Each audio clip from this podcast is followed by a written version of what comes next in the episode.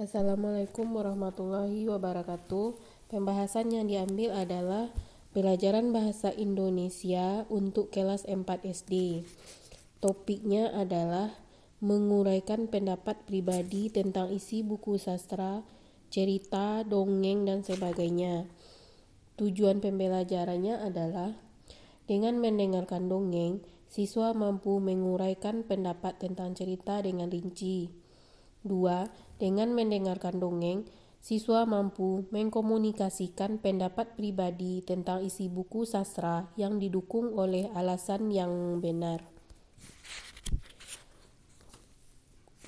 Cerita di sini diambil adalah judulnya Tupai dan Ikan Gabus.